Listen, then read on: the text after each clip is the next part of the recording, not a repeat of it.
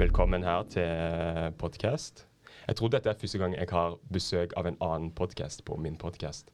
Så det blir litt sånn dobbel podkast. Gratulerer. Ja. Dobbel podcast. Ja, Det kan bli vi, skal vi kalle dette for uh, Mannspodden, eller skal vi kalle det for Fundament? Kanskje vi tar sånn mashup eller noe Ja, sånt? eh? ehm, nei. Jeg tror, vi, jeg tror vi sier at fundament går nye veier. Skal ikke vi si det? ja, ja. Men uh, da, da vet jeg i hvert fall det at uh, jeg har besøk av eh, Mannspodden. Noen har kanskje hørt om Mannspodden og vet hva det er. Andre de uh, vet ikke. Men Drit i. Ja, ok. Men vi kan starte med å en liten sånn presentasjon. Hvem er dere? Ja, jeg kan jo begynne siden jeg er yngst av de som er fra Mannsbånden iallfall. Ja. Andreas Skjelde heter jeg. Jeg er 29 og fra Bergen by. Verdens vakreste by når det ikke regner. Tro meg. Aldri. Ja, og jeg eh, Hva skal si? Regner i dag. Ja, det regnet i dag. Men det kommer på en november er ganske dårlig. Ja, ok. Nå skal vi komme, da. Nei, du må komme i august. Siste uken i august er alltid fint vær. Okay. Det er noe merkelig med det, men jeg hatet liksom skole og sånne ting, for da begynte jo skolen, og da var det bare 29 grader, og du er på en buss og har litt for mye klær på deg, og ja, nei, men greit, vi skal ikke gå inn på det. Ja, ok, men ja, fortsett. Ja, 29 fra Bergen. Jeg har en mastergrad i økonomi, og eh, i dag jobber jeg faktisk i sjømatnæringen. Trives egentlig veldig godt med det. Jeg driver med noe som eh, heter så sexy som strategisk innkjøp. Wow. Så ja, wow. Jeg vet det. Det høres kanskje mer sexy ut enn det det er. Mye emballasje. mye emballasje det går i. Så hvis du har et spørsmål om massivpapp eller kartong eller laminat Nei, nei, ok, Nei. greit. Men da tror jeg jeg skal stoppe der. da Så Ja. send, eh, spiller jeg ballen videre til Eh, til Einar. neste person. Ja, eh, Einar Helgaas heter jeg. Jeg eh, ble invitert inn i Mannspodden av min gode venn Andreas Skjelde. Ja. Og du er Eh, litt eldre enn han. Jeg er litt eldre enn han. Jeg pusher 50 snart. Jeg, altså. Wow. Så det, jeg er den eldste du har hatt på podden din òg, eller? Uh, jeg må tenke hvor, Jeg har hatt Alexis Lund, hvor gammel er han? Han er litt eldre enn meg, tror jeg. Ja, ok. Nei, jeg er altså Beklager. 48. Mm, ja. Så jeg, eh, jeg er gift med Audhild, har fire barn, to sønner og to døtre. Mm. Jeg bor jo her i Bergen og har gjort- det i mange år, og jeg er veldig glad i denne byen. Jeg sykler hele året uansett vær, og, og klager egentlig ikke på det. Ja. Så det var litt selvskryt i dag. Ok. Eh, Men jeg har jobbet i laget i over 20 år, så jeg er teamleder for arbeidet på Vestlandet. Jeg jobber med evangelisering, ledertrening, disippelgjøring eh, primært. Mentoring, eh, teambygging. Masse, masse spennende, egentlig. altså. Kjempe, veldig, veldig kjekt. Mm. Og så driver dere eh, Mannspodden. Og de fleste de vet hva en podkast er, men hva er en mann, da? Oi. Hva er en mann? Hva er en mann? Du begynner rett på. Skal ikke vi Du lurer ikke på andre ting med mannsboden før vi snakker Jo, jo, jo, men uh, Du vet- du jeg vet vil bare ha et, et kort svar, og så kommer jeg tilbake. Kan man? Kort svar. Ok, da, da, da Det får du ikke. Nei, jeg, jeg kan, gi, ikke jeg. jeg kan uh, gi deg et kort svar. OK. Ansvar. Ansvar. Ja vel. Vi kommer, vi kommer dypere, dypere inn i det. Men Ja. eh, denne type tematikk, det å snakke eh, om menn, mannsrolle, Mhm. disse tingene her, har en podkast som handler om det å være en mann. Ja. Eh, hvordan har det kommet, inn- kommet inn i det? Andreas må begynne med det. Det kan vi begynne med historien. Nei, altså For jeg var jo styreleder i Bergen kristne studentlag. Ja. Og som Einar nevnte i innledningen sin, så var jo han feltarbeider for eh, Vestland. Eh, så det gjorde at han fulgte opp styrelederen, da, og egentlig styret i Bergen kristne studentlag. Og gjennom de tre år jeg var styreleder der, Ja. så var Einar med på å coache meg, da. For eh, han coaches meg både på lederskap og det å være mann og det å ta ansvar og ta initiativ. Og gjennom de samtalene, da, så var det liksom knyttet til at eh, når jeg ble ferdig som styreleder, så ønsket jeg Jeg ønsker å fortsette å ha en eh, god relasjon med Einar. Og da tenkte jeg podkast hadde vært kult. Mm. Og så er det på en måte de samtalene vi òg har hatt opp gjennom, Det tenkte jeg at dette her trenger mine kamerater å høre. Og da ble ideen om Mannsbåten født. Jeg brukte ett år på å overtale Einar. Men eh, den som ikke gir seg, den får til slutt ja. Er ikke det vi sier? Det var fordi jeg holdt på, jeg er artist òg, så jeg holdt på med en del konserter og sånt. Jeg kunne ikke gjøre begge deler samtidig. Ja. Det, det var mye av grunnen til at jeg måtte vente. Jeg måtte bli ferdig med det. Når jeg har hørt på podkasten, så har jeg hørt at det er noe sånn spilling og synging. Er det deg? Mm. Wow. Ja. Det er min musikk. Ja. Ja. Jeg har gitt ut en egen CD om mannsidentitet som heter Om jeg lever. Så den finner man på Spotify og kan dykke inn i en litt sånn dyp, dyp verden av tekst og musikk der. Mm. Hva, hva type tema har dere snakket om, da? Eller hvor lenge har dere holdt på? Vi kan ta det først. Nei, Nå er det siden 2021. Januar 2021. Det var begynte vi. 2020. Var det 2020? Ja. Ja, det går fort. Og, og hvor mange podcaster, eh, episoder har dere ute?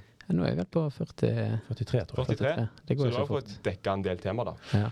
Ja, du, eh, altså du, Jeg visste at du lurte litt på det. Hva vi har snakket om egentlig. Jeg har funnet at vi har jobbet med 42 temaer. Ja. Uh, og det betyr at vi går inn i dette med kjønn og mann og kvinne i, eh, i veldig stor bredde. Mm. Og vi syns det er veldig gøy å eh, ha gjester som forteller historier, eh, som har spesielle erfaringer rundt det. Eksperter, psykologer. Eh, folk som eh, kan den menneskelige psyken. eh, Og som eh, kan snakke om kjønnsforskjeller, snakke om attraksjon, snakke om sex, feminisme i forhold til maskulinisme. Som er jo en, altså de, fleste, de færreste vet hva maskulinisme er, men man skjønner jo på en måte hva som ligger i det. ikke sant? Mm. Um, veldig mange forskjellige vinklinger. Og, og vi, er, altså, både meg og Andreas, vi er jo genuint nyfikne og genuint altså, sannhetssøkende i dette. Uh, og det å da ha eh, alt fra kjendiser som Nils Ole Oftebro, skuespillere, skuespillere, og uh, andre folk som uh, ikke er kjente på den måten, men har en eller annen vinkel inn i det, det syns vi er kjempespennende. altså. Så jeg for min del må si at jeg, det kan godt hende jeg har et livskall til å jobbe med mannsidentitet. eh, For min del, men selvfølgelig òg for andre. For jeg, jeg har stor glede av å følge opp eh, ikke minst unge menn, eh, sånn som Andreas. Sant? Altså, jeg har veldig stor glede av det. Det å, å, å- kunne være en som har gått noen livslengder til. Og kan bidra med noen perspektiver som selvfølgelig en moden mann lettere har enn en ung mann. da. Mm. Det vil jeg gjerne dele av, fordi jeg, jeg ser at det trengs. og, og og eh, det kan jeg komme til å holde på med en stund. Jeg òg håper jeg, eh, vi holder på med Målspodden en god stund til. Ja. Du klarer ikke å holde deg helt unna kontrovers og sånne ting. Det kan jo fort bli litt kontroversielt når man snakker om eh, kjønnsroller, manns identitet og, og sånne ting. Hvordan har dere takla det? Ja, altså det som er litt tidlig, det, eller tidlig, jo jeg vil si det tidlig, det var at når vi begynte med podkasten i 2020, i januar, så ble det faktisk skrevet en masteroppgave om oss eh, Ja. til eh, sommeren 2020. Eh, så det var jo Det er eh, kult, da. Ja, det, Ja. det, det er kult. Og, og morsomt. For, og- for vi hadde bare gitt ut ni episoder. mm. Og så var det en uh, ung kvinne da på universitetet som skrev en oppgave på 70 sider eller hva det var, om oss. og vi var jo så vidt kommet i gang, og da var det ganske mange datingepisoder. Så vi hadde ikke veldig mange episoder som snakket virkelig liksom, om mannsidentitet i sin grunn. Så vi mener jo at den oppgaven ble skrevet uten at det var eh, for så vidt nok grunnlag til det. Men uh, Ja. det var gøy at hun ville vise oss litt oppmerksomhet. Men det, det jeg syns var det eller, tidligste med oppgaven, var at det var ikke noe takk til oss. Hun snakket jo aldri med oss, da. Hun hørte jo bare på intervjuene vi hadde gitt i noen Fikk dere vite det før? Nei. Nei. Så hun uh, hadde en diskusjon knyttet til det i oppgaven, at siden vi var offentlige personer, så trengte hun liksom ikke å ta kontakt og Ja. godta, eller at vi måtte godta at hun skrev om oss. Men eh, jeg syns jo det var fint. Jeg syns jo det er et sånt samfunn skal være, at man skal ha Det skal få lov til å skrive om folk som tør å mene ting, da. Ja, Ytringsfrihet. ytringsfrihet kalles det. Så fint. Noen av eh, de episodene som eh, jeg syns var mest interessante, det er jo de du- som var i starten. eh, om oh. dating. Og, og, Kommer det! ja, ja, ja. Jeg er singel, så dere skal få lov til å gi meg tips seinere. men OK. Eh, det er noe som jeg tror folk er veldig interessert i, og folk lurer på, på, på der. Er det òg deres eh, Ja, ikke det ganske bra lytting på de episodene, Jo, Andreas? jo det, da. Men, men det er jo sånn med dating. Dating sex. Altså, det, det Det selger bare. Er det det folk lurer på? Det, det er det folk lurer på, og det er det folk er interessert i. Ja. Det er høyt oppe i bevisstheten til folk, men Mm. vi mener i hvert fall ikke at meningen med livet ligger i det spørsmålet. Nei. Mm. Er Det det noen andre annet. spørsmål uh, som har vært spesielt sånn av interesse? Hva er det unge menn lurer på? Eller unge kvinner, for så vidt òg. Men det han- handler jo om menn, da. Mannspodden. Hva vil du si, Andreas? Jeg tror unge menn lurer eh, Siden jeg er en mann, eh, så skal jeg ikke uttale meg altfor mye om hva kvinner tenker. Men jeg tror vi lurer på hva vil det si å være en mann? Ja. Hva, hva ligger man i det begrepet? Mm. Og hva, hvordan ser det ut i det daglige livet? Jeg tror menn er kanskje mer interessert i liksom å finne ut liksom løsninger på problemer og disse tingene her. Eh, og ofte, da, eh, så er det Så jeg må bare le litt. eh, Einar han dirigerer Men mens du, jeg du er så tett på mikrofonen, og så er du veldig Ja, høy. Men, ja, men, da men, tenker han stakkar skal jo få disse lydfilene etterpå. Og, nei, det er han Martin som skal det. Er han på. Martin, så da kan vi bare gunne Ja, for du, du er veldig høy, skjønner du. Ja, ok, men Og det, jeg tror, tror du er for høy. Det er det som er poenget. Men jeg har ikke forstått helt. eh, Handler det om at vi er for nær mikrofonen eller for langt? Nei, når jeg gjør sånn til deg, så må du komme Ja. nærmere mikrofonen. For jeg hører på lyden at du begynner Ja. å fjerne deg, og det er ikke god lyd på deg. Mm. Mens du Han- er han veldig er musiker, så han, har- han har mer det øret. Men, men sorry, nå, nå, nå sporet vi helt har, helt Jeg har aldri hatt uh, gjester som klager så mye på Først på spørsmålene jeg stiller, og går langt ifra mikrofonen.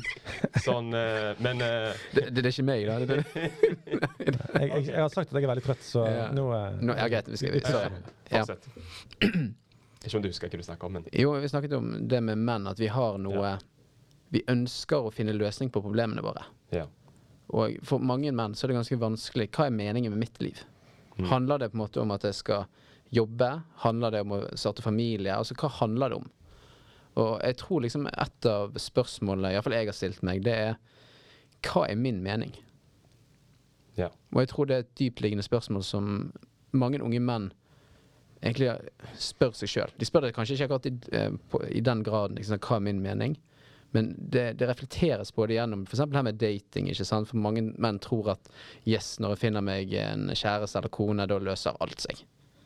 Sant? Da har jeg funnet min mening når jeg startet familie. ja. Men så viser statistikken at nei, nei, det er ikke det som skjer. Ikke sant? 50% av alle ekteskap ender jo i skilsmisse. Ja. Så det er noe dypere der, da, og det er jo det vi i Mannsboden egentlig ønsker å peke på. da.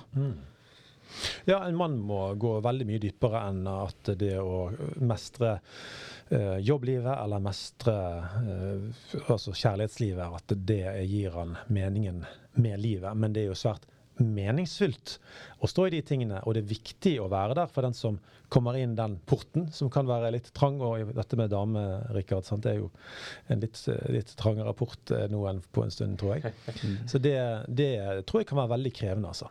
Jeg opplever nok at eh, altså, hvis vi ser på lyttingen på episodene, så er det jo ikke sånn at det, noen episoder er det bare et, eh, 100 som har hørt på, mens noen er det 5000. Altså det, eh, folk hører ganske jevnt. Så de Ja. tematitlene våre som vi bruker litt tid på, altså det skal være leseren skal, Nei, ikke leseren, sier lytteren. Det skal lett kunne orientere seg.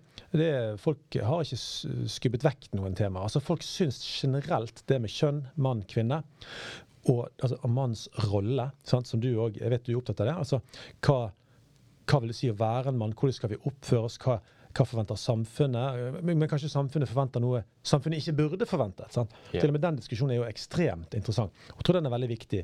For fra den seksuelle revolusjonen kom på slutten av 60-tallet, så har jo familieliv, eh, sexliv, mann, kvinne, kjønn Det har blitt snudd opp ned på hodet til hele vestlige verden har blitt fullstendig svimmel.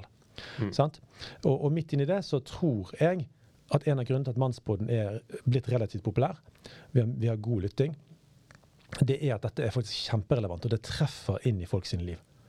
Så, så, så, så selvfølgelig, dating og, og sex vil, ja, det vil selge, men, men et, i veldig stor bredde tror jeg egentlig de fleste spørsmålene vi har tatt opp i Mannspodden, og vi har mye annet snacks på lur videre, er rett og slett det er såpass relevant for folk. Ja, jeg kan, en morsom jeg historie. Jeg, I menigheten min så sto jeg på kirkekaffen og skulle ta med noe kake, eller noe sånt. Så kommer det en dame i menigheten og snur seg til meg og sier jeg har fått et helt nytt syn på mannen min. Ja. Og og hun har aldri fortalt meg hvorfor, men eh, hun ville bare si det, og så stakk hun. Eh, men jeg har lyst til å spørre henne ja, hva betydde det? Men altså, det er jo et kristent ektepar, har vært gift i 20-25 år. Og gjennom å høre på manns... å, høre på. Ja, gjennom å høre på Mannsbånd så har hennes syn på mann forandret seg. Mm. Og jeg håper det betyr at du har oppdaget noe av det som vi er inne på i spørsmålet. Altså hva er en mann? Og oppdaget noe at Mm. jo, men min mann er annerledes enn meg. Sånn og sånn og sånn, kanskje. Og, og, og at hun kanskje har lyst til å respektere han som mann. Eh, at, at han er annerledes, og han har behov som kanskje er annerledes enn meg som kvinne. Og det er jo en god ting. Nei, men jeg, jeg er enig, og jeg tror jo selvfølgelig I dagens samfunn så tror jeg det er vanskeligere å være mann enn det var før, da. Ja. Eh, For før var det liksom sånn, det var veldig definert. Mm. Nå er det mer flytende på mange måter. Mm. Eh, og så er det veldig viktig for meg å understreke at det å være mann, det betyr veldig mye forskjellig. Ikke sant? Jeg sier ikke at du er en mann bare fordi du går i skogen og hogger ned eh, ja, den største granen. Ja, nå nærmer det seg jul, så det er jo grantre og disse tingene. Ja. Ja, det er særlig på tida. Eh, enn f.eks. for eksempel hvis du liker å stikke på en kafé og ta en uh, mokka, eller hva det skal være. da. ja. Du liker mye mann da, vil jeg si. Mokka med havremelk. Mok ja, mokka med havremelk. Da da, cappuccino med havremelk. Jeg kan ikke ha vanlig melk, så det blir det som havremelk. havremelk. ja, Sitte der er- og skrive i en bok eller lese. Ja. Det. Og jeg er veldig mandig. Ja, ja, men, men du er veldig mandig, og det, det er egentlig det vi ønsker å formidle òg med Mannspodden. At du er Det var egentlig ment litt sånn halvsarkastisk, ikke sånn der som selvskryt, men uh, Ja. ja, bare fortsett. Men, men det er ikke halvsarkastisk, for mange menn tenker liksom Ja, OK, da er jeg ikke mann. Men det er ikke realiteten. Ja. Du er mann selv om du sitter på en kafé og skriver en bok, bok med en mokka og hva det måtte være, Havremelk. med havremelk. Det må jeg prøve etterpå, for nå du selger det bra inn. Men uh, Rikard, da fikk jeg lyst til å si noe av det som du eh, prøvde å stille oss med en gang. Ok, hva er en menn, da? Altså, uh, lyst til å si litt om Ok, det. Så vi, vi er inne på den delen nå. Går det greit? Ja, vi er enige om det. OK, det går Mm. fint. Ja, jeg syns det. Ja. Fordi at, og dette, De som har lyst til å høre mer om dette, jeg skal ikke si alt nå, de kan selvfølgelig høre episoden med Glenn Peter Sætre, som er en av Norges fremste eksperter på kjønn, mm. uh, um, som snakker om dette. For du kan si, Jeg spurte jo disse her dyktige biologene, Dag Olav, Dag Olav Hessen òg, Ja. Om dette bildet er et godt bilde. Sant? At biologien er grunnmuren til menneskeheten. Mhm. Altså når du blir født, kommer ut av din kjære mor, altså hvem er du da egentlig? Biologien er din grunnmur. Sant? Mens i dag skal du føle deg til kjønnet ditt. ikke sant? Det er det nye. Siste nye. Mm. Eh, Men, men realiteten vitenskapsmessig er jo at du er en mann fordi du har eh, eh, kjønnsceller. Mandige, mandige, maskuline kjønnsceller. ja. Du har sett. Sånn? Og det er det, det primære nivået. Mm. Så er det et sekundært nivå. Og det handler om at en mann har annerledes hår enn en kvinne. Vi har skjegg på en måte. Vi har, vi har tendenser til å få andre typer sykdommer enn kvinner. Mhm. Altså vi, vi blir bold, f.eks. Hva heter det? Skalla. ja. Det blir ikke kvinner. sant? Eh, det er, handler om at eh, testosteron og andre stoff i kroppen vår gjør at vi har en annerledes kropp enn kvinner, som har da mer østrogen. altså Det er deres hovedstoff. ikke sant? Og så har du det tertiære nivået. Og Disse tre nivåene er veldig veldig opplysende for å forstå kjønn. Eh, det er jo der kjønnsrollene kommer inn. Din selvforståelse om du eh, drikker den mokkaen på kafé eh, hver uke, eller om du drar i skogen og hogger ved. Det er da din fortolkning av din maskulinitet. Yeah. Og vi trenger en breddefortolkning, sånn som Andreas er inne på. For blir det for smalt at alle må på skogen og hogge ved, for å bruke det fantastiske eksempelet som vi alltid bruker Mm. Vi får utvide det der litt, Andreas. Eh, men men, men det, det, det, der må vi ha en bredde. Sant? For ellers så blir vi med på det som skjer i dag, at, at, at folk forholder seg til klassiske, smale eh, kjønnsforståelser. Og så må de skifte kjønn fordi de, hvis de er en, en guttejente eller en Ja. feminin gutt. Sant? Så må de, Oi, nei, du må bytte kjønn, for du trekkes jo helt opplagt Mm. mot et annet kjønn. Så du må bytte kjønn. Nei, som Andreas sier, du kan få lov til å gå på den kafeen uke etter uke. Du trenger ikke gå i treningsstudio, du trenger ikke det og det. Sant? Samtidig så er det sånn at vår selvforståelse påvirker jo hvordan vi lever. Og det vil få konsekvenser for hvordan verden tar imot oss. Sant? Så hvis jeg uh, har masse feminine fakter og beveger meg som en kvinne og, og, og, og beveger hender og alt mulig, og er, er veldig feminin, Mm. så kan jeg, vel, jeg kan velge å, å stå i det og si at så, sånn er jeg, og sånn skal jeg være. Men vi mennesker vi er fleksible. Vi kan forandre på ting som vi vil forandre på. For hvis du ser at du blir negativt sanksjonert på det av folk rundt deg, Ja. at kvinner f.eks. syns du er for feminin som gutt, og de ville hatt noe råere, da er vi så fleksible at du kan rå deg opp hvis du vil. Mhm. Og hvis du syns det er en fordel. Men det er ditt individuelle valg. ja. Sant? Og det er forskjell på det. Det betyr jeg sitter ikke her og sier at en feminin gutt må bli råere. Ellers er han ikke mann. Det sier jeg ikke. Men jeg sier at hvilken profil du velger, eh, vil ha konsekvenser. Og de konsekvensene må, altså Du høster det du sår. Sant? Du må ta konsekvensene av dine valg. Ja. Sant? Eh, F.eks. på kjønnsmarkedet. Mhm. Du kan bli dumpet av kvinner fordi du er for røff og tøff mann og for ufølsom. Og du kan bli dumpet på kjønnsmarkedet fordi du er en for myk mann, for føyelig, for passiv, eller til og med for feminin i uttrykksmåtene dine eh, og sånt. Fordi de heller vil ha noe som er mer polarisert. Altså en mann som er en mann og ligner, ligner noe annet enn deg sjøl som kvinne. Heller en mann, en mann som ligner veldig på deg som kvinne. Gir dette mening, folkens? Ja, men, men samtidig, da. eh, Jeg vet ikke om dere fikk med dere den store nyheten fra over statene, da. Tom Brady, da, som kanskje er tidenes eh, beste quarterback i historien, liksom, har alltid vært Iallfall eh, kvinner har bedømt han som blant de verdens kjekkeste menn, da. Og atletisk og alle disse tingene, da. Det endte på en måte med skilsmisse fra konen sin, da. som var liksom supermodell. På grunn av nei, det, det, det liksom bare stiller litt sånn spørsmålstegn med det. For her har du en fyr som absolutt har alt. Hvis du skjønner. Nei, det skjønner jeg ikke, for vi vet, vi vet ikke hva som har foregått i det ekteskapet. Selvfølgelig, Vi vet ikke hva som har foregått i det ekteskapet, men samtidig så gir det et bilde på at vi menn ikke sant? Altså Det er mye som kreves av oss, og selv om du har alt, så kan det òg gå dårlig, da. Mm. Men vi trenger ikke bli så overrasket over at store stjerner skilles. De fleste av de skilles jo. Og de lever et liv der de knapt har tid til familiene sine.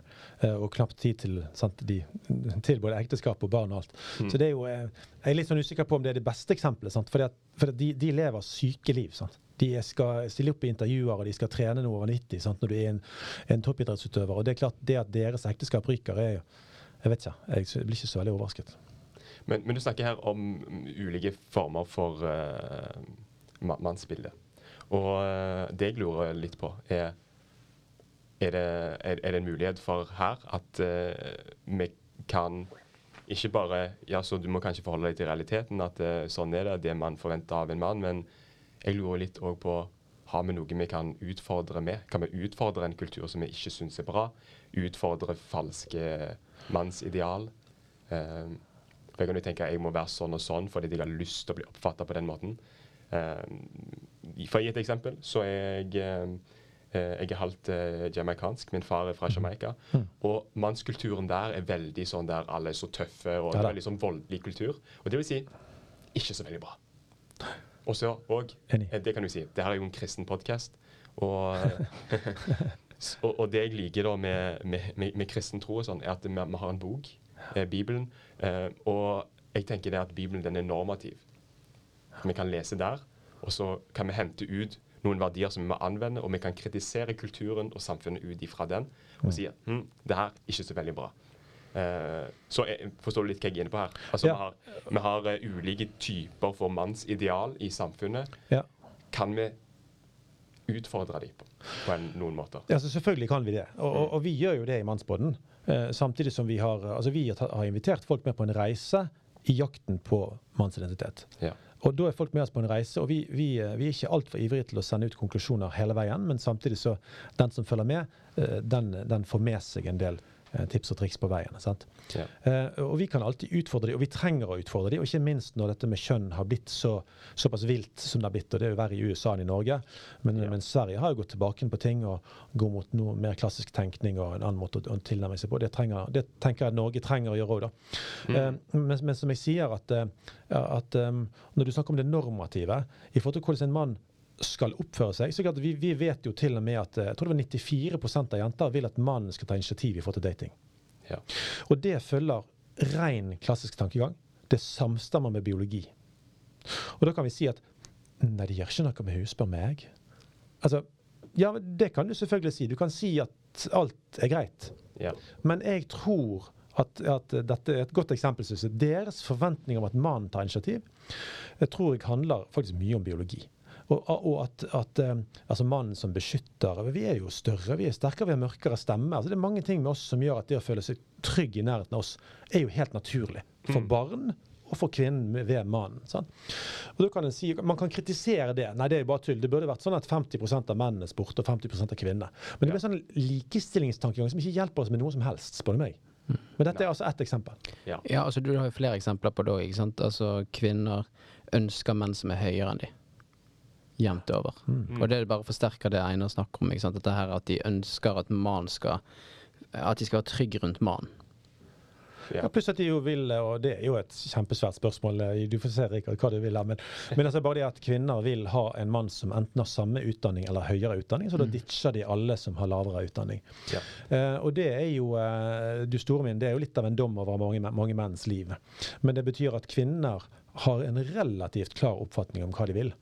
Og da kan vi som menn si at nei, men eh, alle må jo godkjenne alle. Og så blir det liksom Ja, det Er det, er det en grunn til du bruker min dialekt? Nei, det, det, har ikke peil. Det er helt veldig rart at jeg bruker din dialekt. Det er så rart. Ja. Men, men, eh, men da, kan du, da kan du si at uh, det er jo egentlig forståelig, da. At, eh, at eh, kvinner har noen forventninger når vi som kjønn er såpass forskjellige som vi er. Okay. Du har 15 ganger mer testosteron enn en kvinne. En kvinne har 9 ganger mer østrogen enn deg. Yeah. Det skaper kvinnekroppen, og det har masse med psyken å gjøre. Og testosteron har med hver eneste celle i din kropp å gjøre. Du har ikke én celle i kroppen din som ikke er påvirket av ditt grunnstoff. Mhm. Og det gjør noe med alt du er og gjør. Ja.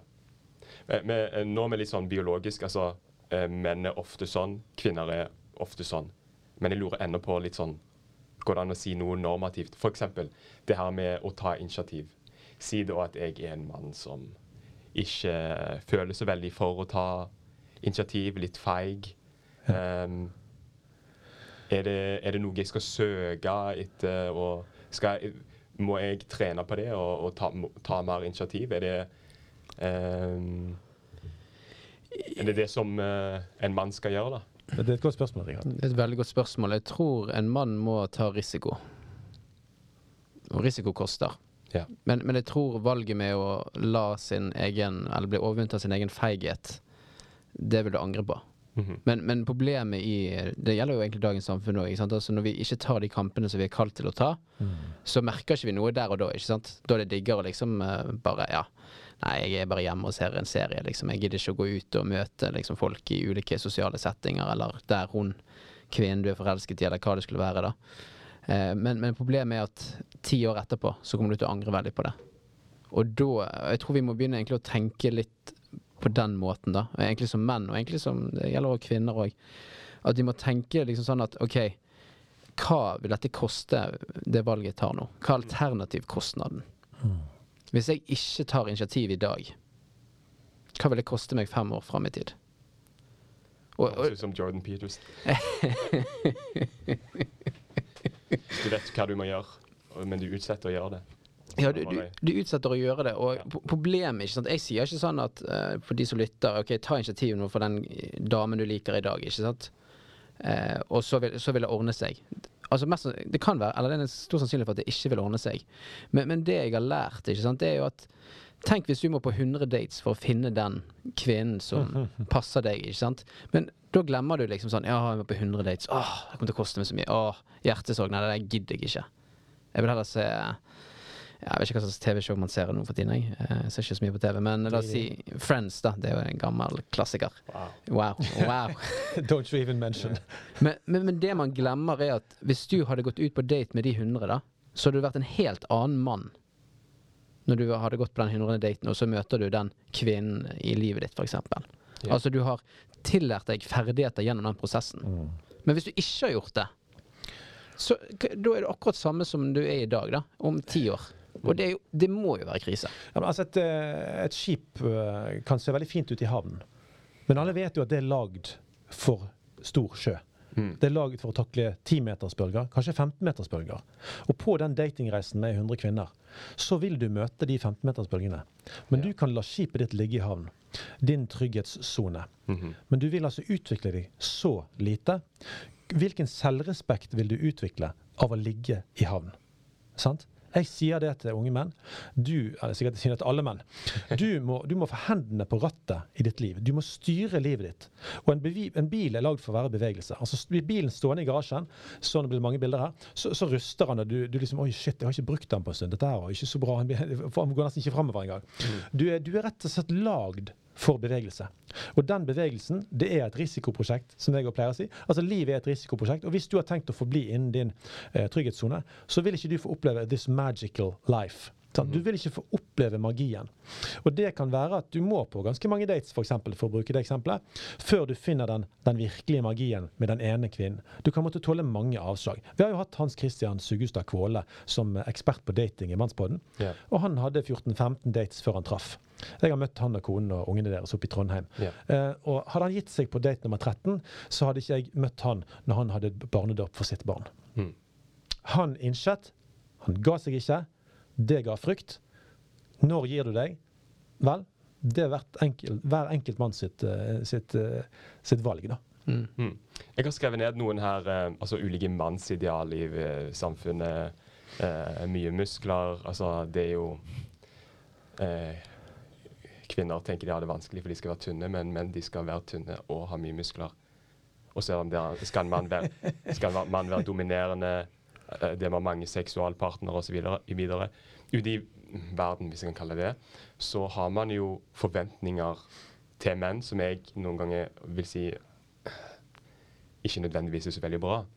Så hvis målet er å, å eh, bare oppnå på en måte det som man setter som sitt sånn mål på forhånd, kan ikke da være en fare at uh, en søker etter ting som en ikke nødvendigvis burde søke etter. Altså ting som ikke er bra. At uh, å, jeg må ha mye muskler fordi det er det kvinner vil ha nå til dags. Jeg vet ikke om det er sant engang. Sikkert ikke. Du, Men, du trener jo, Andreas. Ja, nå, ja, jeg trener. Eh, ja, men men- det er liksom Hva skal være motivasjonen for å, for å trene, eller og, Mm. og, og så videre. Skal vi tre inn i på en måte kjønnsroller, mannsroller, som, som finnes, bare med den hensikt at vi skal på en måte oppnå noe som vi har, Jeg har lyst på en partner, så derfor må disse herne rollene, eller Mm. den måten å være på noe som jeg burde søke å gjøre. Før du begynner, Andreas. Det du snakker, du snakker om indre styring og ytre styring. Det du, det du nevner nå, det er ytre styring. Okay. Det betyr at oi, kvinner vil ha en sånn mann. Oi, jeg må bli en sånn mann. Jeg er mye mer for indre styring. Ja. Å begynne der, og så forholde seg til de forventningene etterpå. Og Men det- med den de- indre styringen La meg snakke det- ferdig. Og det handler om integritet. sant? Ja. Og integritet handler om å være en hel mann. Hel ved. Du har dine verdier. Ja. De verdiene er du tro mot. Det er integritet. ja, så det Og da betyr, det, da betyr det at du må finne ut hvilken kropp er det du vil ha. Eh, hvilken type, Hva er sunnhet? Ja. Hva er, hva er ekshibisjonisme? Hva er hvordan du vil framstå for verden? Jeg tar armhevinger hver kveld. Um, og det er fordi det er fordi jeg ønsker uh, å ha en kropp som er trent. Ja. Uh, og og jeg, selvfølgelig, jeg, det ligger kanskje noen hakk lenger nede i kjeden. Jeg vet jo at jeg ser bedre ut. Mhm. Men jeg vil være sexy for min kone. Ja. Så jeg trener òg for min kone. Sant? Uh, men det er mitt valg. Og jeg, kan, jeg sier ikke til andre at du må gjøre det. Men jeg tror at det er smart å, å, å, å utvikle kroppen sin og trene i en eller annen grad. Altså det, det jo en lege sagt. Hallo, det er jo helt ukontroversielt. Ukontroversielt. Men spørsmålet er gjør du det først og fremst for å svare til forventningene utenfra, eller gjør du det fordi det er ditt valg, og du vil det. Jeg opplever for min del at jeg er indrestyrt, men selvfølgelig lar jeg meg påvirke, påvirke av det ytre. Altså Folk vil jo se denne kroppen min, sant? og da vil de tenke et eller annet om meg. Og jeg har jo lyst til å framstå bra, det tror jeg de fleste vil, men begynn begynn i det indre. Ja, det var egentlig det jeg skulle, hadde tenkt å si. Og nå skal ikke dette bli treningspodden heller, eh, men eh, jeg har lyst til å bare si at det er veldig viktig å trene. Mm. Eh, for trening henger faktisk sammen med din kognitive ja, kognitive forståelse og hjernen din, faktisk. Det man har sett, er at etter jeg tror det er 25, du har to gode år igjen, nyt det, nyt det, så er det sånn at hjernen begynner å gå nedover. da. Men hvis du skal stoppe det, så må du trene. Så, så det handler egentlig om hva liv ønsker du å leve. Uh, og det, jeg er litt sånn imponert over det Einar sier. sånn? At det er armhevinger hver kveld. Ikke sant? Det er rutine. Men han vet at av han eh, det, Eller jeg vet ikke om du vet det, men av at han tar de armhevingene, ikke sant? så har han mer energi til å gis til både sin kone og sine barn, men òg samtidig i arbeidslivet. da. For det holder deg mer klar. Og det, det er jo det som er derfor vi egentlig er skapt til å bruke våre kropper ikke sant, for å trene. Men det må selvfølgelig være indrestyrt. Ikke sant? Det er ikke sånn at jeg sier til deg ok, nå må du trene ti ganger i løpet av uken, sånn at du får den sixpacken, og da får du den, den og den damen, eller hva, eh, det skulle være. da. Eh, Jeg tror det handler om verdier. Og det handler er egentlig om at du må finne hva ønsker du å kjempe for. Ja. Og, eller sånn som jeg forstår verdier, så er jo ikke verdier noe man bare dikter opp liksom i et vakuum heller. Som er, Oi, her, det var flotte verdier, de ønsker jeg å leve ut ifra. Em, igjen, det er en kristen podkast. Så eh, det er et kristent verdensbilde og eh, tror at Gud har åpenbart seg gjennom Bibelen og sånn, og tenker jo at de verdiene som fins i Bibelen, er jo de som vi burde søke etter. Eh, og òg Jesus som eksempel. Og det her, det her spørsmålet har ikke, har ikke dere fått på forhånd, så jeg håper ikke at dere friker ut. Men Det går helt greit. Jesus, da? Eh, Hva kan vi lære av han? Hva vi kan lære av Jesus, Ja. ja. det er jo helt grenseløst. Jeg kan jo bruke livene, livet og evigheten på. Men en ting som er veldig spennende med Jesus, for å begynne ett sted, Mm. det er at han er jo han er den perfekte mannen. Ja. Sant? Og jeg tror veldig få har lest Det nye testamentet og leitet etter et godt mannsbilde i Jesus. Han var singel, forresten. De har, ja, de, de, ja da, absolutt. du, jeg ser du trenger en bekreftelse. Ja. Eh, eh, men, men, uh, men, men Jesus er mann med stor M. Mm. Men jeg tror de fleste har leitet etter frelseren. Ja. Den omsorgsfulle Jesus. Mm. Men han er jo en fullstendig råtass. Han bruker pisk. eh, han, eh, han kan bruke høy stemme. Han kan formane noe så grenseløst med heftig bildebruk. Han grein over Lasarus. Han grein over Jerusalem. Ingen, han sleit ikke med å vise følelser.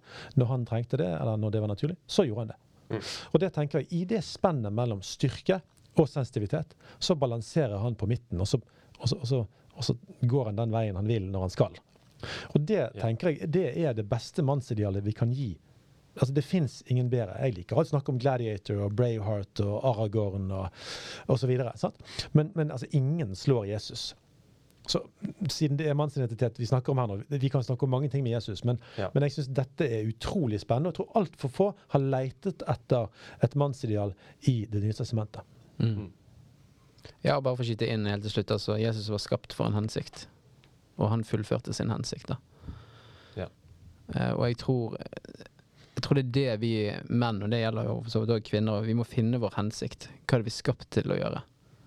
Mm. For det, i det så tror jeg mange av tingene vil løse seg, ikke sant. Når du vet hva du er skapt for, så går det helt fint med motstand. Ikke sant? Altså, hvis, du, hvis du vet hva du er skapt til, så, så har det ingenting å si om det er avslag eller når det går bra heller, for du er hele tiden i bevegelse. For du er i bevegelse mot din hensikt, ikke sant? mot ditt endelige mål. Og jeg tror altfor få, det gjelder både kristne og sikkert ikke kristne, vi, vi skjønner det ikke. ikke sant? Så blir vi fanget i denne her eh, Kanskje hamsterhjulet, men òg liksom at vi Det som jeg syns er veldig fascinerende i vår generasjon, det er at vi er veldig oppdelt mellom generasjoner. Altså vi har eh, ungdomsarbeid eh, Nå er snakker jeg om menigheter, men jeg regner med det går fint siden det er en kristen podkast. Vi har menighet, så har vi studentarbeid, og så har vi unge voksne, og så har vi søndag. Og søndag er liksom litt familie og de eldre. Ja. Eh, Og problemet der er at vi, vi får ikke sett generasjoner. Vi får ikke sett at livet har ulike faser. Du blir bare Ja, OK, når du er ferdig med unge voksne, eller du går inn i unge voksne, og der blir du kanskje evig singel, og liksom du, du, ja, ja, men du, du vokser aldri opp, da. Men hvis du hadde hatt generasjonsmenigheter, da hadde du sett litt OK, shit. Livet har en gang en slutt, ikke sant? Mm. Eh, og det er det som er så trist i dagens samfunn. For vi oppdager ikke dette før kanskje noen våre foreldre eller besteforeldre dør. Da Da begynner vi kanskje å innse realiteten. Men, men det, det er liksom det vi må skjønne, at livet det har både en inngang og en utgang. Eh, og da er det så viktig at man jobber med seg sjøl for å finne sin hensikt. Hva er det du ønsker å kjempe for? Ikke bli fanget inn i en sånn der eh, vakuum der du bare går og studerer, og så, ja, jeg vet ikke hva jeg skal gjøre etterpå, kanskje jeg skal stikke til Oslo, eller hva det skal være. og Bare fortsette den singeltilværelsen, da. Ja. Men finn deg et mål, og finn noe å ta ansvar for. Og jeg tror litt sånn som for min del, finn deg en mentor som er eldre enn deg sjøl, altså Einar. Eh, og kanskje enda eldre enn det òg, for det gir perspektiver, da. Faktisk. Istedenfor bare å henge med din egen aldersgruppe, eller de som er i den samme fasen som du er, da. Jeg blir nødt til å skyte inn her. Dette er veldig bra, Andreas. Godt stoff for uh, fundamentlytterne. Eh, altså, jeg tror det er livsfarlig for en mann å ikke leve et målrettet liv. Å leve et retningsløst liv, det, det, det tenker jeg er farlig. Og jeg tror i forhold til hensikt altså vi, vi, altså, nå, nå er det gutter vi snakker om her. sant? Mm. Altså, vi menn vi er her for å gjøre verden til et bedre sted.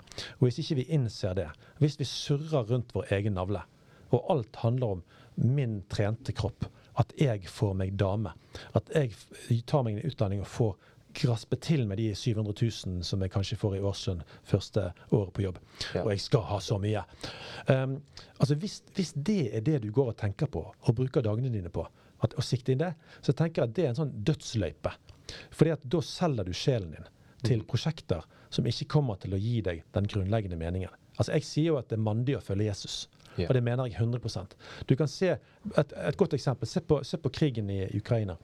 Russerne de, har, de sliter jo kjempe med, med kommunikasjon sant? Mellom, mellom flyene sine, bakkestyrkene, eh, generalene. De, de sliter med kommunikasjon. Det er jo ikke Ukraina. De har moderne systemer, de har god kontakt. Enhver mann trenger en nydelig kontakt med sin øverstkommanderende, som er Gud.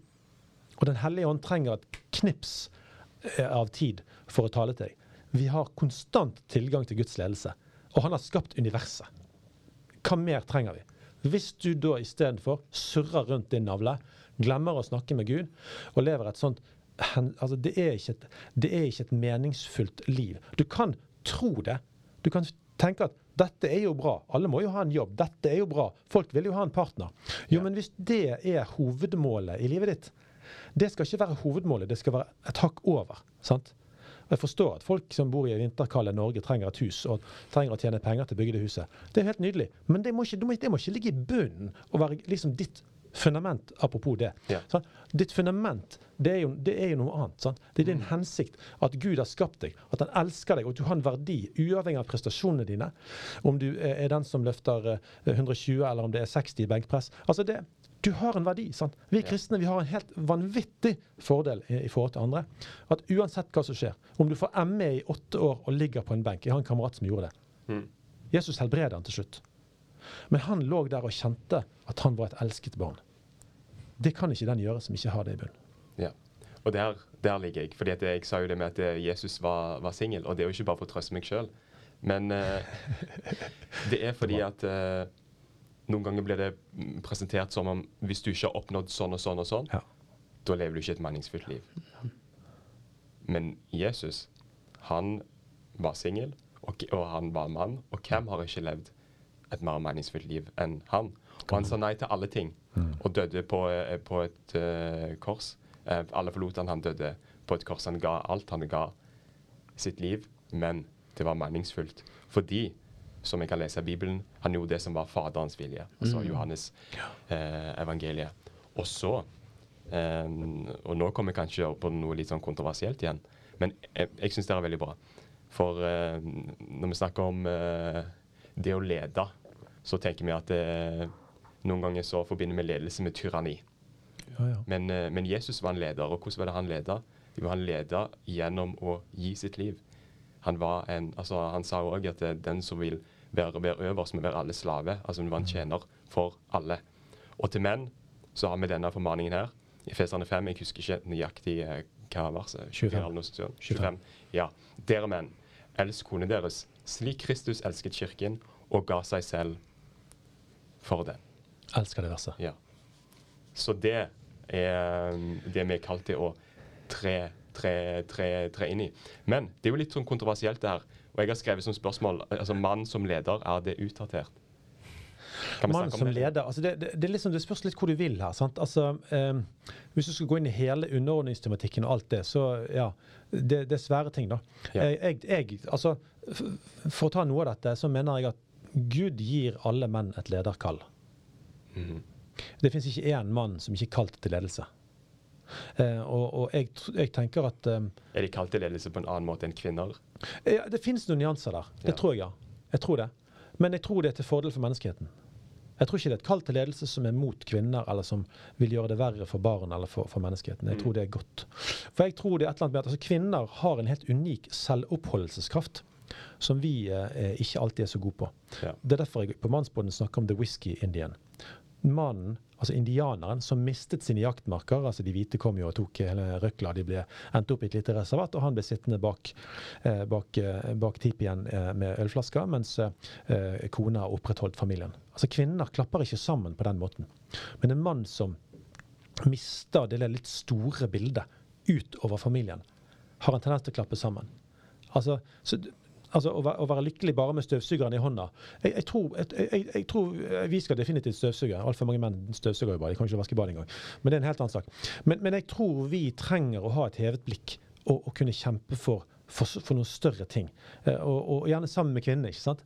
Men, men, eh, men jeg tror det er verre for en mann å ikke gjøre det enn for en kvinne. Jeg tror kvinner er så dypt relasjonelle i sitt vesen. De er skapt av Gud sånn. De er skapt med en biologi og en psykologi som omfavner mennesker, og som, som, som skal ta vare på et barn. Og Hadde de ikke vært sånn, så ville ikke barna blitt tatt godt nok i vare på. Mens, mens, mens far er ute og skaffer den maten som vi trenger for å overleve. sant? Altså for forsørgelse og, og de tingene som, som vi, vi menn eh, har lett for å like òg. Altså vi finner det veldig meningsfullt. sant? Så, så jeg, eh, et, Og jeg tenker i forhold til eh, åndelig ledelse av en familie, Jeg tror altfor mange menn gir det til damer. Nei, det er sånn søndagsskolegreier, det kan damer ta. Og så er ikke fedrene involvert. Da er det, jo, det er jo ikke bra i det hele tatt. Man tenker de jødisk kultur. Mennene de er oppreiste, og de leder an. For all del, det er sekulære jøder òg. Men, men, altså de som da er troende, da, eh, de leder jo an. sant? Og hva gjør det med gutter i de familiene? Hjelpe meg. De, de har jo en far å se til som, som sikter inn. Det er Gud som er sjefen. sant? Og det, og det jeg tror menn uten det, uten de som ikke tar imot det lederkallet, jeg tror de kan bli litt som en skygge av seg sjøl i familien. Og kona eh, sliter seg ut og føler hun må lede her, hun må lede der. Hun må ta seg av skole, hun må ta seg av lekser, hun må ta seg av eh, at vi har leser andakt eller leser Bibelen, alt mulig. Og Søren sliter, altså. Men vi skal jo være et team. Og i det teamet så tror jeg at menn som plukker opp lederhansken, med Jesus som forbilde, mm. som en selvoppofrende leder, som den store ridderen, som ofrer seg sjøl for de svake, for, for enker og hjemløse og sin egen familie. Det er vakkert, det. Ja. Jeg må bare si her eh, eh, Du sa Jesus som forbilde. Og det er jo en evangeliesentrert podkast òg. Altså kristen podkast, evangeliesentrert podkast. Jeg måtte bare skyte det inn i tilfelle noen føler seg fordømt nå, for de elsker ikke sin kone slik, sånn som Kristus elsker kirken og ga seg sjøl for den så er ikke Jesus kun vårt forbilde, men òg vår frelser. Sånn, har jeg sagt det. Um, men, det er veldig viktig. Bare, så det ikke blir bare fordi at jeg, Ofte når vi snakker om sånn, hva en mann og hvordan bør de være, og sånn, så blir det bare sånn åh, jeg må gjøre så mange ting. Og, men altså, det er nåde her. Mm. Uh, det, er, det, er, nåde. Så kan det være du har lyst til å si noe, men jeg vil si først at uh, altså du Andreas, men jeg vil si først at det jeg, jeg ofte ser, at menn havner kanskje ofte i to grøfter. Spennende. Ja. Jeg er spent her. Ja. Jeg, men jeg har skrevet i dokumentet, så du burde ikke være så spent. Jeg har skrevet myk versus hard. Mm. Eh, no, altså myk, ja. Er det bra, er det dårlig? Hard, er det bra, er det dårlig? Eh, det jeg ofte ser, at menn de kan enten være tyranniske. Min vilje skal skje. Det er den måten de leder på. Mm. Autoritære. Jeg bestemmer. Du skal underordne deg meg. Det er det står i Bibelen. Bare les Efesene 5. Du skal underordne deg meg. Vi gjør akkurat det jeg vil. Mm. Altså, Det er den ene grøfta. Ikke bra. Det er ikke kjærlig. Ikke bra. Ja, ikke bra. Og den andre grøfta er den late mann eh, som eh, ikke tar initiativ, mm. og ligger og er Ja. Er feig. Vil ikke ta risiko, mm. som vi snakket om tidligere. Men du vet jo svaret. Finn ja. midtlinjen. Mm. Glem, grøften. Glem grøftene. Ja. det er jo svaret. Og det har vi jo i det verset, da. Altså, denne, denne type lederskap er en lederskap der man tar initiativ. Ja. Men uh, Ja, man, tar, man, tar, initiativ, men ikke, man tar ikke initiativ uh, med, med, den hensikt at jeg skal tjene meg sjøl gjennom dette her. Mm. Dere menn, elsk deres koner slik ja. Kristus elsket kirken og mm. ga seg selv for den. Han ga seg sjøl for kirka. Det var måten han, eh, han leder på. Det er et grunnleggende tjenerskap. Mm. Altså En mann som ikke tar opp tjenerskapet, vil ha store problemer med å lykkes. Og Jeg har lyst til å nevne én ting som jeg tenkte på eh, på vei hit nå. Det fins uh, forskning på dette, at når kvinner i Norge går fra menn, og det er jo for mange av de som gjør det, men noen av de syns de har gode grunner for det, to tredjedeler av de går fordi de ikke opplevde et teamsamarbeid med sin mann. Det som er ganske vanlig, tror jeg, det er at uh, når du uh, blir sammen og blir gift, uh, eller samboer som mange blir i dag, mm. um, så er det ikke så vanskelig å fordele husarbeidet i begynnelsen. Der, det er relativt enkelt. og jeg tror mange menn er med på det. da. Ja. Men så kommer, så kommer ungene, og alt skaleres jo noe helt latterlig opp sant, med alle bleieskiftene og, og masse klesvask og alt mulig. Og da tror jeg ganske mange menn som sovner. Eh, de går inn i en sånn litt sånn romantisk fase der med det er deilig å, å kose med ungene og, og, gi mat og litt sånn, men, at de henger ikke helt med. Eh, for det skaleres så veldig opp, eh, mens konene de følger veldig med. De er jo òg opptatt av dette med klesvask mer enn menn ofte. Sant? Og opptatt av at huset skal være rent, og litt for opptatt av det ofte. Men, men, men da tror jeg mange menn detter litt av lasset og kvinnene blir overbelastet, og mange av de mennene blir forlatt. Hadde de tatt opp tjener... Dette er, mitt, dette er et av de svakeste punktene i mitt liv. Tjenerskap er kjempetøft for meg. Og det handler nok om personlighet, det handler om min oppdragelse. Min far ville ikke at meg og mine fire brødre skulle gjøre husarbeid, for, det, for han kom fra en sånn ultraklassisk eh, bakgrunn. Ja. Sant? Eh, Der kvinnfolkarbeid og mannfolkarbeid. Sant? Mm. Så jeg har jo en veldig vanskelig bakgrunn for det. Jeg har ikke fått trening i oppveksten, og der, det bør jo alle få. Så du kan, jeg kan love deg at mine unger kan husarbeid. Eh, mine unger sier at de kan mye mer husarbeid enn alle andre unger de kjenner. Så vi har gjort en helt annen vei på det. Men du må ta opp tjenerskapet. Mm. For ellers så vil du slite med å lykkes. Du, er du en singel mann som går på jobb og eh, driter i å vaske doen din, og alt sånt, og, sånt så vel, eh, driter i å vaske doen, det var, var ikke det litt Sorry. OK. Men, men ja, mulig det kan funke litt. Men så får du besøk av en som du dater, da, og så ser hun den doen din, så, ja, så går det rett i dass. Ja. Eh, har du noen tanker, eh, refleksjoner rundt Andreas bare eh, ler av meg. Han syns det er helt håpløst. jeg, jeg, jeg syns det er veldig gøy. Jeg, jeg har det samme når jeg møter sørlendinger, så bytter jeg over til sørlandsk. Det er Ja. kanskje det som gjør at vi er så like Einar. Nei da. Men uh, mann som leder? mann som leder. Uh, jeg, tror, jeg tror både menn og kvinner kan lede. Og jeg snakker mest fra næringslivet, og jeg ser ikke sånn vesentlig stor forskjell mellom en okay. kvinnelig og en mannlig leder. Så en mann er ikke kalt til å lede på en annen måte enn en kvinne, f.eks.? Altså Innenfor næringslivet så er det jo litt annerledes, selvfølgelig. da. Eh, Det er faktisk noe forskning som peker på at det er bedre med kvinnelige toppledere, at man får økt bunnlinje, da. Mhm. Eller at man gjør det bedre. Altså man får et tjener bedre, mer tjener mer penger, for å bruke et litt lettere begrep på det. Eh, Men, eh, men i det så tror jeg det er mange menn som ønsker å lede. Ja. Men jeg tror eh, dessverre da, så er det jo Det er jo litt sånn eh, gøye statistikker som jeg har sett på. Så ser man f.eks. når det kommer til menighet.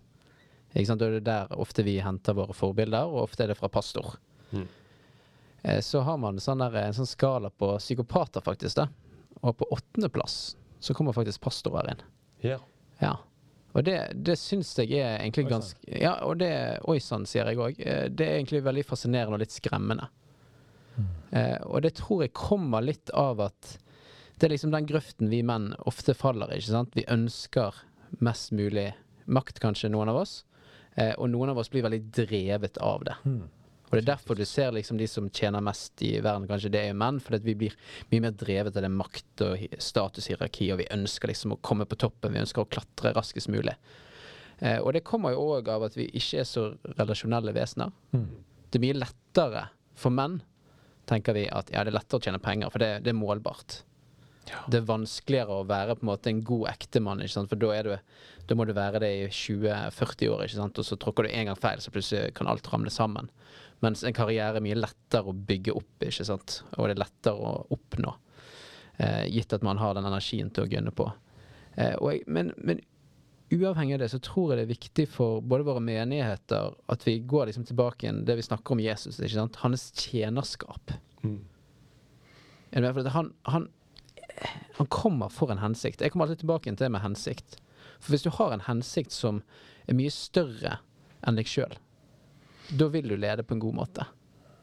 Det, det tror jeg. Altså, for da er du opptatt av noe større enn deg sjøl. Hvis det handler om deg sjøl, da blir det veldig lett at ja, spotlightet må være på deg, alt handler om deg, og du er best, ikke sant? Mm. Og det er kanskje ofte det noen av oss har kanskje opplevd i ulike menigheter. da At alt det pastoren gjør, er helt perfekt. ikke sant? Eh, og så prøver vi å bli mer og mer lik pastoren vår. Ja. Men så kan det være at han er egentlig mest opptatt av seg sjøl. Men han, han liksom pakker det inn og liksom viser litt mer sånn Ja, nei, men det er Jesus som har kalt meg, og det er Jesus, og bla, bla, bla. Eh, og jeg tror litt den refleksjonen må vi òg gjøre rundt om i våre menigheter. Og det leder meg òg kanskje inn på dating, da. Eh, nå, nå lurer du sikkert hvor jeg skal her. Eh, Wow. men, men, men det, det Jeg kan ikke si wow så ofte, så jeg ikke, men det Ja, men det er bra. Det er veldig bra. Eh, for i dette her så tror jeg det er viktig å huske på at ingen av oss kommer til å bli Jesus. Ikke sant? Vi ønsker å bli lik Jesus, men vi kommer aldri til å bli Jesus før vi kommer til Ja. Eller før vi kommer til himmelen og møter vi Jesus, da. Mm. Eh, og det som skjer i vår kultur, det er at vi ønsker å bli fullkommen. Vi ønsker å ha den sixpacken, vi ønsker å ha det huset, vi ønsker å ha den jobben, og alle disse tingene skal passe inn, ikke sant? Men da glemmer vi en av de viktigste tingene. Vi er ufullkommen. Så ufullkomne mennesker søker noe fullkomment. Ja. Jeg vil jo også si at noen av de standardene er jo falske, da.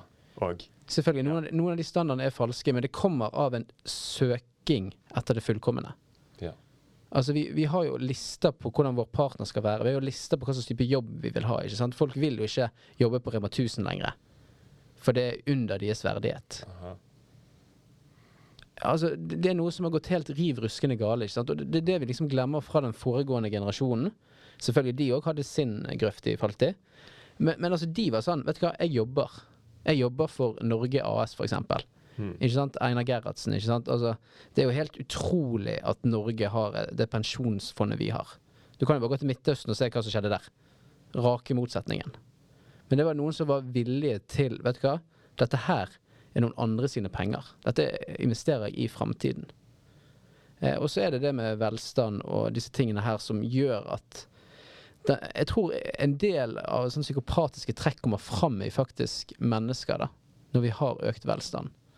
For da handler det mer og mer om oss. For vi har ikke noe vi kjemper mot. Vi har jo alt tilgjengelig. Og da blir man veldig egosentrert og selvsentrert. da. Eh, og det tror jeg òg reflekteres i menighetene våre. Og ja, altså det her er jo kanskje en veldig drøy brannfakkel, men jeg bare hiver den inn her. Eh, vi får se om vi okay. men, men altså grunnen til at det er så mange single i Kristen-Norge, det tror jeg er på grunn av at vi Oi, skal jeg si det? Ja, det, det bygges opp en viss spenning her. Ja, faktisk. Ja, jeg kommer kom, nettopp ut av en relasjon. Men eh, ja, eh, vi skal ikke gå inn i det. Nei. Men eh, jeg tror det handler om at vi søker det fullkomne, da. Og det eksisterer ikke. Med kresne? Vi er kresne. Altså, Vi har jo en episode i Mannsbåten som heter livsperfeksjonisme. Ja. Som snakker om, at dette, og om det, denne tematikken. Sant? Og Vi ender jo ut med å snakke om å finne roen i det ufullkomne. Og det er jo et nådebudskap. Det er jo et kristent budskap eh, som Per Einar Binder, som er en, eh, ikke er en kristen, da, men han er psykolog. Og Han kommer med dette evangeliske budskapet på Mannsbåten Mhm. om at vi må finne roen i det ufullkomne. Eh, Og det tror jeg kan hjelpe oss til å senke skuldrene og puste med magen, og ikke stresse etter å, etter å få som sånn, alle de eksemplene som Andreas kommer med, med lønningen og, og alt du på en måte må ha. Yeah. Ikke sant? Så det, det, er, det er vakkert uh, i, i, i kristendommen at vi kan, kan ha en verdier i bunn som er urokkelige, Mm. uansett hvor vi klarer å komme på. Eh, godeste um, Albert Einstein har et sitat som er så nydelig.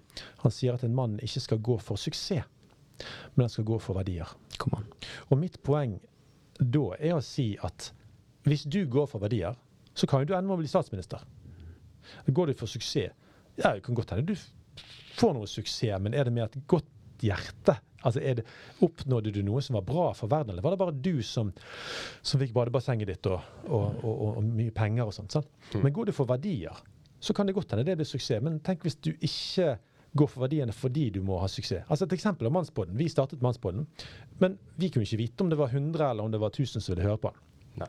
Men vi har verdier i bunn, og så går vi for det. Nå har den blitt en suksess. Men det var ikke noe vi måtte ha. Eller sa at det må skje, eller så var det mislykket. Mm. Eh, Om vi hadde formidlet verdier til 100 mennesker, så hadde det vært fint, det òg. Ja. Men, men, men, eh, men, men, men at vi begynner med verdier, og om det blir suksess, altså å si hermetegn, hva er det ordet? Det, det er jo en diskusjon for seg. Vi, vi har Kan jo ikke òg si kanskje at mm, du skal regne det som suksess. Verdier. Det med at en uh, lever etter visse verdier, det er å leve et suksessfullt liv. Altså er en litt, litt morsom måte å bruke Ja. ord på. Eh, litt uvant. Men jeg tenker, det Ja. å leve et meningsfullt liv Ja. ville jeg heller sagt heller enn å leve et suksess, suksessrikt liv.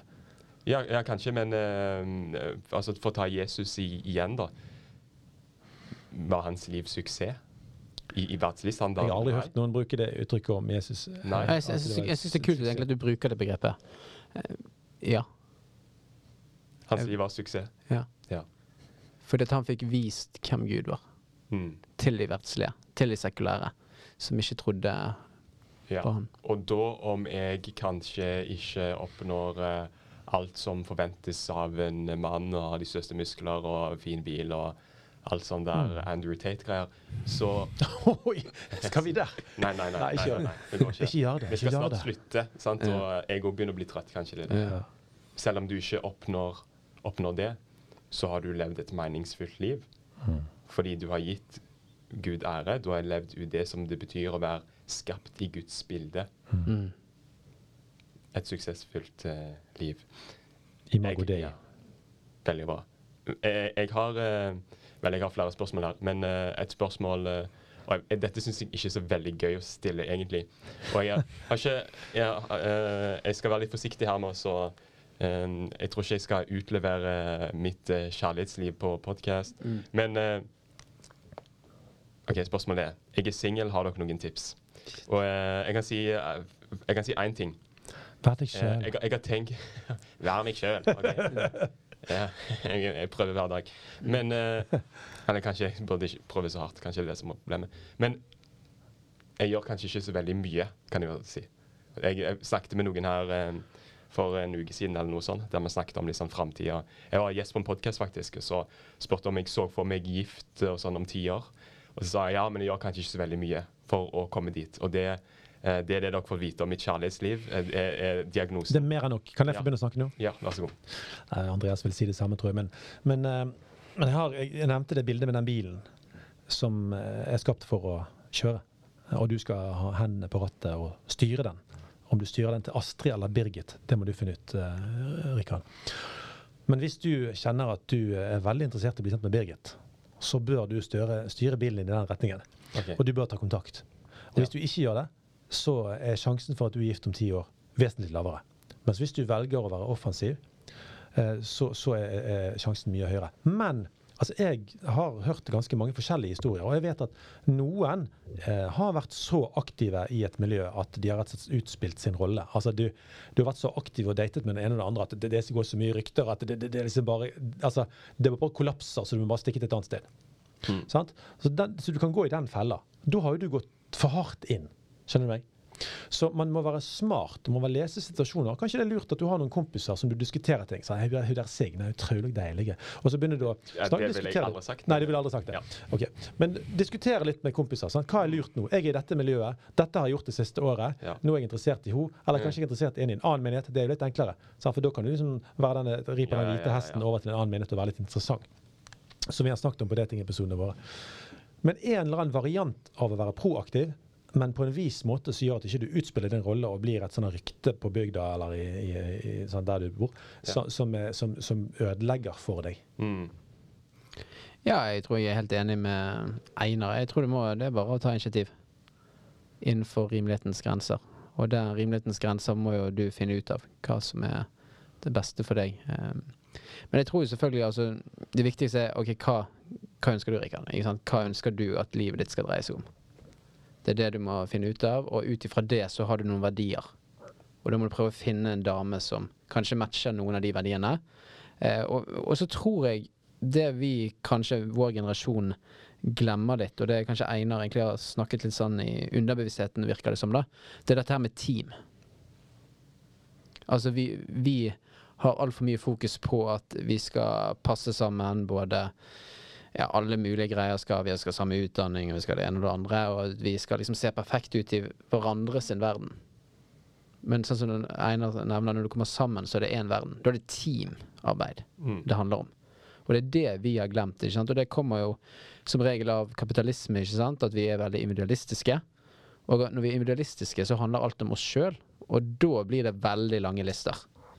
Så jeg tror liksom det å kutte ned noen lister, eller noen krav, og liksom finne de viktigste. ikke sant? Er troen det viktigste? ikke sant? Yes. Ikke sant? Så må det òg selvfølgelig være en fysisk tiltrekning. Det, vi kommer ikke utenfor det. Det er der det begynner. Det er det er der det begynner. ikke sant? Det er der interessen vekkes eh, til liv. Mm.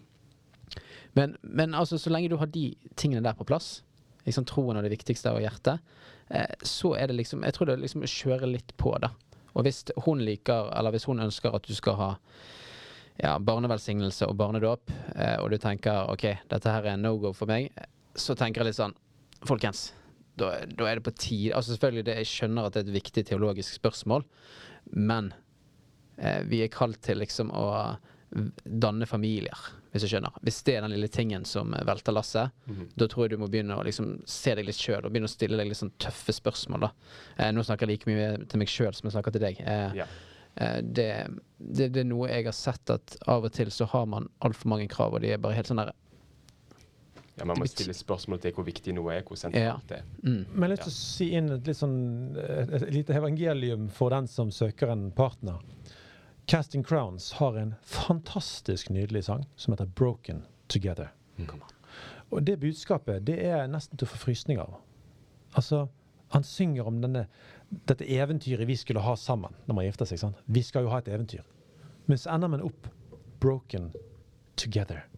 Og 'together' betyr jo at man er trofast sammen, på tross av at vi er to ufullkomne mennesker. Ja. Og til og med når du når dere unge menn i studio her i dag går inn i datingsituasjoner, og hvis du kjenner på denne perfeksjonismen i luften At oi, denne damen har sannsynligvis en liste på eh, 20-25 punkter som jeg eh, nå må innfri. Ikke sant? Og så, eh, så sliter du inn mot den listen. Du, du, du jobber inn mot den, men kjenner at du selvfølgelig, selvfølgelig kommer du til kort. Og er, jeg tror ikke det er noe veldig smart av disse damene å, å ha for mye eh, gjennomtenkt på den listen. Eh, for det, det kan hindre magi. Og magi er noe av det som gjør at mann og kvinne finner sammen. Det er, det, finnes, bare tenk på alle parene du kjenner. Det er jo ikke alle de parene som passer til noen sånne lister som er ferdig tenkt på forhånd. Men det var en eller annen magi som førte to mennesker sammen. Og det er Gud som har skapt den magien, selvfølgelig. Ikke sant? Men vi skal være broken together et helt liv. Meg og min kone hadde nettopp 25 års bryllupsdag. Og før, takk. Og før sommeren så snakket vi om å feire den, men vi hadde det ikke så bra sammen akkurat da. Min kone var faktisk ikke så veldig interessert i å feire 25 års bryllupsdag. Mm. Det er ikke en veldig gøy melding å få Nei. etter 25 års ekteskap. Sa hun det? Hæ? Sa hun det? Ja, jeg sier hun sa det. Ja. Hun, hun, hun syntes ikke det var noe særlig god stemning om dagen. For dette, jeg har mine sider. Mm. Jeg er en ufullkommen mann. Um, vi har feiret noe i høst, da. Uh, men vi, det svinger. Vi har uh, krangler innimellom, og, og det er spenninger mellom oss som handler om våre forskjellige personligheter, og at vi er mann og kvinne, uh, og, og, og mange ting vi ikke ser likt. da. Men allikevel så skal vi klare å finne sammen, og vi gjør det hele veien. Altså Vi kommer alltid tilbake til hverandre, og vi er broken together. Og det tenker jeg det er et sånt nådebudskap til dere. At gå inn i det med litt lavere skuldre. Og da tror jeg du lettere kan være deg sjøl, Rikard, som vi snakket om. sant? Ja. Det er lettere å være seg sjøl når man slapper av. Men kanskje det noen ganger kan være Det kan være lurt å forberede seg på ja, men komme, altså denne damen som du inviterer ut, kan komme til å spørre, stille deg mange forskjellige typer spørsmål. Det kan være lurt å forberede seg på de. Tenk igjen. ja, Hvis noen spør om det, hva, hva tenker jeg om barn? Hva, hvor, skal vi, hvor skal man bo i livet? Og hva er det egentlig som er viktig for deg? Hva er dine verdier? Sant? Det er lurt å være forberedt på det. Men når du går inn i det, får du legge det i Guds hender, og må du prøve å være deg sjøl. og, og, og ikke så anspent at du slår dårlige spøker som gjør at hun bare liksom uh, Skuldrene hennes går opp fordi at du prøver å være morsom, men, men du, du slapper ikke av i det hele tatt. Ja. Det, er- det mange menn eh, opplever, og legg merke til hvor generelt jeg snakker nå Det mange menn opplever Jeg snakker jo selvfølgelig ikke om meg sjøl. Det er jo uh, uh, det her friend zone, som det kalles. Oh no. Ja.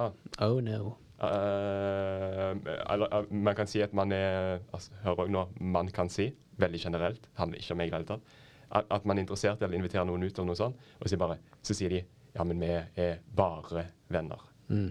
Det, det man er. Andreas kommer til å si at det er ikke et gøy budskap for en mann å få. Det, det, er ikke et gøy bu eh, budskap for en mann å få. Eh, og da bør du tenke ja, OK, greit. Eh, vi kan ikke være venner. Ha det. Jeg, jeg, tror, jeg tror det er noe i det så, der du må være egentlig veldig hard på. For det, det mange menn håper og drømmer om, ikke sant, det er jo at ja, jeg er friends og nå, men om fem år, da blir det oss, ikke sant. Ja. For det, det mannen tenker ja, ja, men bare gi det nok tid, så vil dette ordne seg. Mens kvinnen tenker nei, du er vennen min, og du kommer aldri til å gå over i noe annet. da. Selvfølgelig det fins få unntak, men de få unntakene er ganske få. Så hvis du hører på denne podkasten her og er i friend zone, bare si 'vi kan ikke være venner', og kom deg videre. Det, det er tusenvis av fisk der ute. Det er faktisk flere kvinner enn menn som går i kristne menigheter. Altså, du, du må bare komme deg videre. Eh, og jeg tror jo på en måte det òg er veldig attraktivt for den personen du eh, har havnet i friendzonen med, da. Eh, for det, da vitner det om at ja, ja, OK, ja, men du har tatt et valg, og gå videre. Og Altså, det, det, og det respekterer du, og så går du. ja, du, du respekterer jo selvfølgelig valget, men det må være en konsekvens. Ja. For det som ofte skjer det med friendzone, det er at hun har avvist deg, men det får egentlig ikke noen konsekvenser, for dere er jo på en måte akkurat det samme, dere snakker mye og disse tingene her, kanskje utenom det fysiske, da. Eh, så er det egentlig ganske det samme, ikke sant. Og det, det kommer jo av at kvinner generelt er mer opptatt av relasjonen, opptatt av hele personen, ikke sant? Ja. Og der kommer jo disse her kjønnsforskjellene veldig Veldig Ja, der vises de veldig, da. Eh, Jeg husker, altså meg og mange, eh, en del av kompisene mine, da. Vi har liksom snakket om at Ja, jeg husker når jeg var gira på den jenten, så jeg husker at vi snakket sammen i bil i fire-fem timer, og tingene fløt, ikke sant. Eh, men så viser det seg at eh, Det er s- 80 av tilfellene her, da. Så viser det seg at hun så det bare som vennskapelig, da. Og at de, når du hadde snakket så lenge med en Dette er første date, da, eh, vel å merke. Så var det akkurat sånn som noe bare slo seg av, da. Hos eh, eh, ja, en kvinne her, Og hva mente du han burde gjort annerledes? Jeg mente Jeg kan jo ikke dele alle tipsene. Å ja, med, ok. Kyssene, kyssene! Nei, nei, men jeg tror Kanskje hold det litt kortere. Vekk opp liksom en interesse for deg, da. For vi menn er veldig flinke til å Når vi liker noen, ikke sant, da, eller blir forelsket, så er vi veldig flinke til å dele altfor mye. Med en gang. Always leave her hungry. Eh, Yes. Jeg tror det er det som er ja, mottoet. Og så tror jeg man må være så tøff med the friend zone, og det, det mener jeg alle dere herremenn som hører på. OK, men respekter det, og så gå videre. For det ah, Ikke bruk fire-fem år bare på å kaste bort livet ditt på å liksom prøve å overvinne denne den ja, ja, denne damen her som overhodet ikke er interessert. Men det er vel, du er vel litt inne på det, men du kan bli uh, mer attraktiv for henne med at du tar et klart brudd. Altså litt sånn mandig. Tar litt ansvar for at hun at du vil respektere hennes valg, og så beveger du deg videre, som du sier. Så kan det føre til at hun uh, ligger noen kvelder og tenker på deg etter hvert. Det kan òg skje. Og så eh, She searches you. Selvfølgelig, men, men du må ikke tenke det, da. Nei, det er ikke det som bør være ditt fokus. Du, du, du, altså Bevege seg videre Mm. er jo at du ikke tenker det. Mm. Det er jo det at du faktisk ser på andre jenter Mm. og uh, ja, er åpen for andre muligheter. Og så må du gjøre det- dette på en veldig Ja, du må være respektfull, da, når du Ja. sier dette. Du må ikke si sånn OK, ha det. Altså, men du må liksom si Ja, men, men du høres ut som bergenseren Andreas Ja, ja. Som bare Jeg bare kutter deg! Jeg bare kutter deg. Halleisen. OK, greit. Du får ta den bybanen. Jeg er gidder ikke kjøre deg igjen. lenger. Nei. Kanskje du skal si det på sørlands. Ja. Du, vi er ikke Nei, nei det på østlands, det. Ja. Jeg, jeg, jeg tør heller ikke prøve, selv om jeg bodde der to år. Så. Ja. Men uh, ja, vi må egentlig snart gå mot en, eh, en avslutning. Men jeg har eh, Eller en ting til jeg vil Oi, spørre om. min. Altså, Rikard, du, du holder virkelig ut her nå, altså. Ja, Ja, Dette blir en lang episode. Ja, holder du på å sovne? Er det det? Nei, det er du som holder på å sovne. Ja. Men uh, Ja, og der kan jeg si Nå kan jeg være litt personlig, faktisk. Og, det er at jeg har ikke helt klart å finne ut sånn det her med å ha venner som er jenter, der man kun er venner, og på en måte finne ut av det, hvordan det ser ut. Og der virker det som du var sånn Nei, glem det. Altså, du kan være venner, men ikke med en du er interessert i, som du har datet, eh, og som har puttet Ja, deg i friend zone. Ja. Aha. Det, men det, altså, selvfølgelig kan være venner med jenter. Det er jo, det er jo ingen Ja, ja, sånn at du sier hei og sånn, men jeg, jeg mener litt mer sånn dypere. At det er sånn liksom dype vennskap og sånn. Det var, er det ikke lett for begge parter at man misforstår hverandre og Ja, jeg, jeg, jeg, ser det er ut, egentlig? jeg vil jo egentlig ikke ha så dype vennskap med kvinner, da. Eh, for det at først av alt, eh, det har sine begrensninger. Ja. Når hun gifter seg eller finner seg en type, så blir det veldig merkelig hvis dere skal ha ja, kvelder der dere henger sammen og snakker Ja, om disse ja, ja, dype ja. hemmelighetene. Altså, det, det er noe som ikke stemmer, da. Ja. Og, da, og det her er for alle som er studenter og sånne, eh, som er menn. Dere må bygge gode mannlige relasjoner. Altså, prøv å finne en kvinne i livet ditt. Uh, Vær på date og sånne ting. Men bygg for Ja, dette her er så viktig. Jeg må bare si det igjen. Altså, bygg gode mannlige relasjoner. Forget about the girls. Find the one girl. Og så bygger du mange gode mannlige relasjoner. Det, det er så viktig. Eh, Det er en livsforsikring. Det Mm. er helt grunnleggende. Mm. Ja, og det var det vi rakk på denne episoden. Det, er, altså, det er dokumentet. Der står det flere ting. Så med mindre dere har noe mer dere ville si, så går vi mot en avslutning. Nei, it's all good. It's all good. Jeg at det var en veldig spennende samtale. Jeg Ja. håper at lytterne vil eh, trives med dette. Mm, så bra. Tusen takk, eh, Einar og Andreas, eh, for at dere var med her på Fundament. Takk for at du fikk komme. Tusen takk.